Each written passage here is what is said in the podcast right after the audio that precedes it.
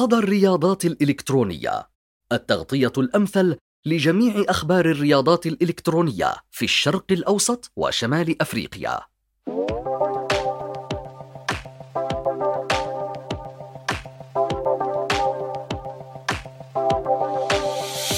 مساكم مساء الكرام حياكم الله في بودكاست بودكاست الأسبوع الأول والوحيد في الوطن العربي المختص في مجال الرياضات الإلكترونية.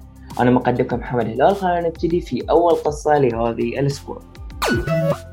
نادي الهلال السعودي بطلا لبطولة كأس الاتحاد للرياضات الإلكترونية للعبة دوتا 2 طبعا نجدد تهانينا لنادي الهلال السعودي على فوزه في بطولة دوتا 2 علما أن آه، نادي الهلال السعودي فاز بجميع البطولات المقدمة من قبل الاتحاد السعودي للرياضات الإلكترونية. طبعا أكيد نبارك جميع مشجعي هذا النادي العظيم.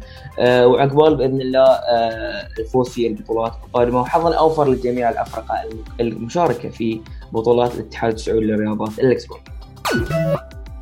ننتقل للقصة اللي بعدها. فريق جالكسي ريسر وفريق نكما الإماراتي يعلنون عن اندماجهم أو بمعنى أصح الاستحواذ.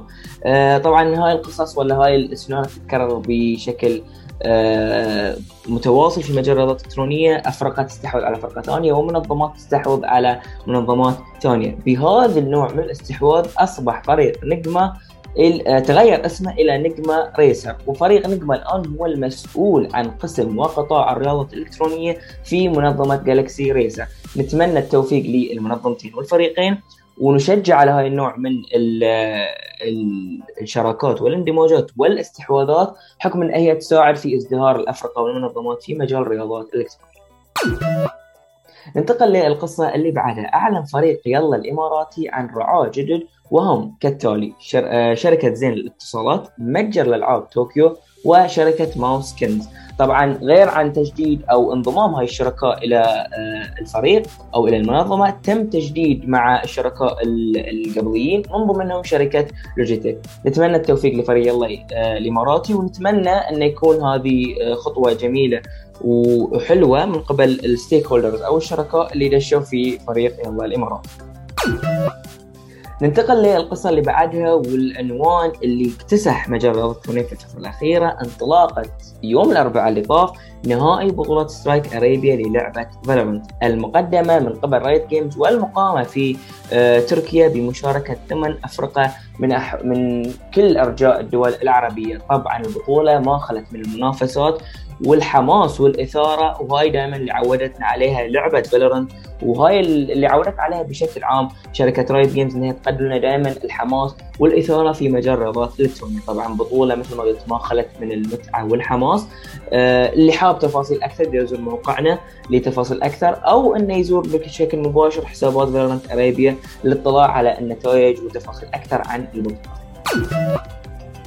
ننتقل للقصة الأخيرة عندنا لهذه اليوم. بالتعاون مع شركة Riot Games واستضافة فريق رعد المصري إلى فريق بيرسر البحريني وأحلى لاعبين من فريق نصر eSports وهذا بحكم تعذرهم إلى سفرهم إلى دولة تركيا الشقيقة للمشاركة في بطولة Strike Arabia طبعا هذه إن دل دل على تعاون ولحمة الدول العربية وأيضا مساندة والدعم اللامحدود من شركة Riot Games إلى اللاعبين والأفرقة اللي ما استطاعوا أنهم يروحون إلى تركيا. طبعا طبعا إحنا نشجع ونحفز جميع آه، منظمي البطولات وجميع الافرقه العربية على التعاون والتكاتف مع بعض لأن هذه دائما يصب في المصلحة العامة ويصب في مصلحة مجتمع الرياضات الإلكترونية وخاصة في المجتمع العربي. طبعا هني يكون وصلنا لنهاية حلقتنا لهذه اليوم.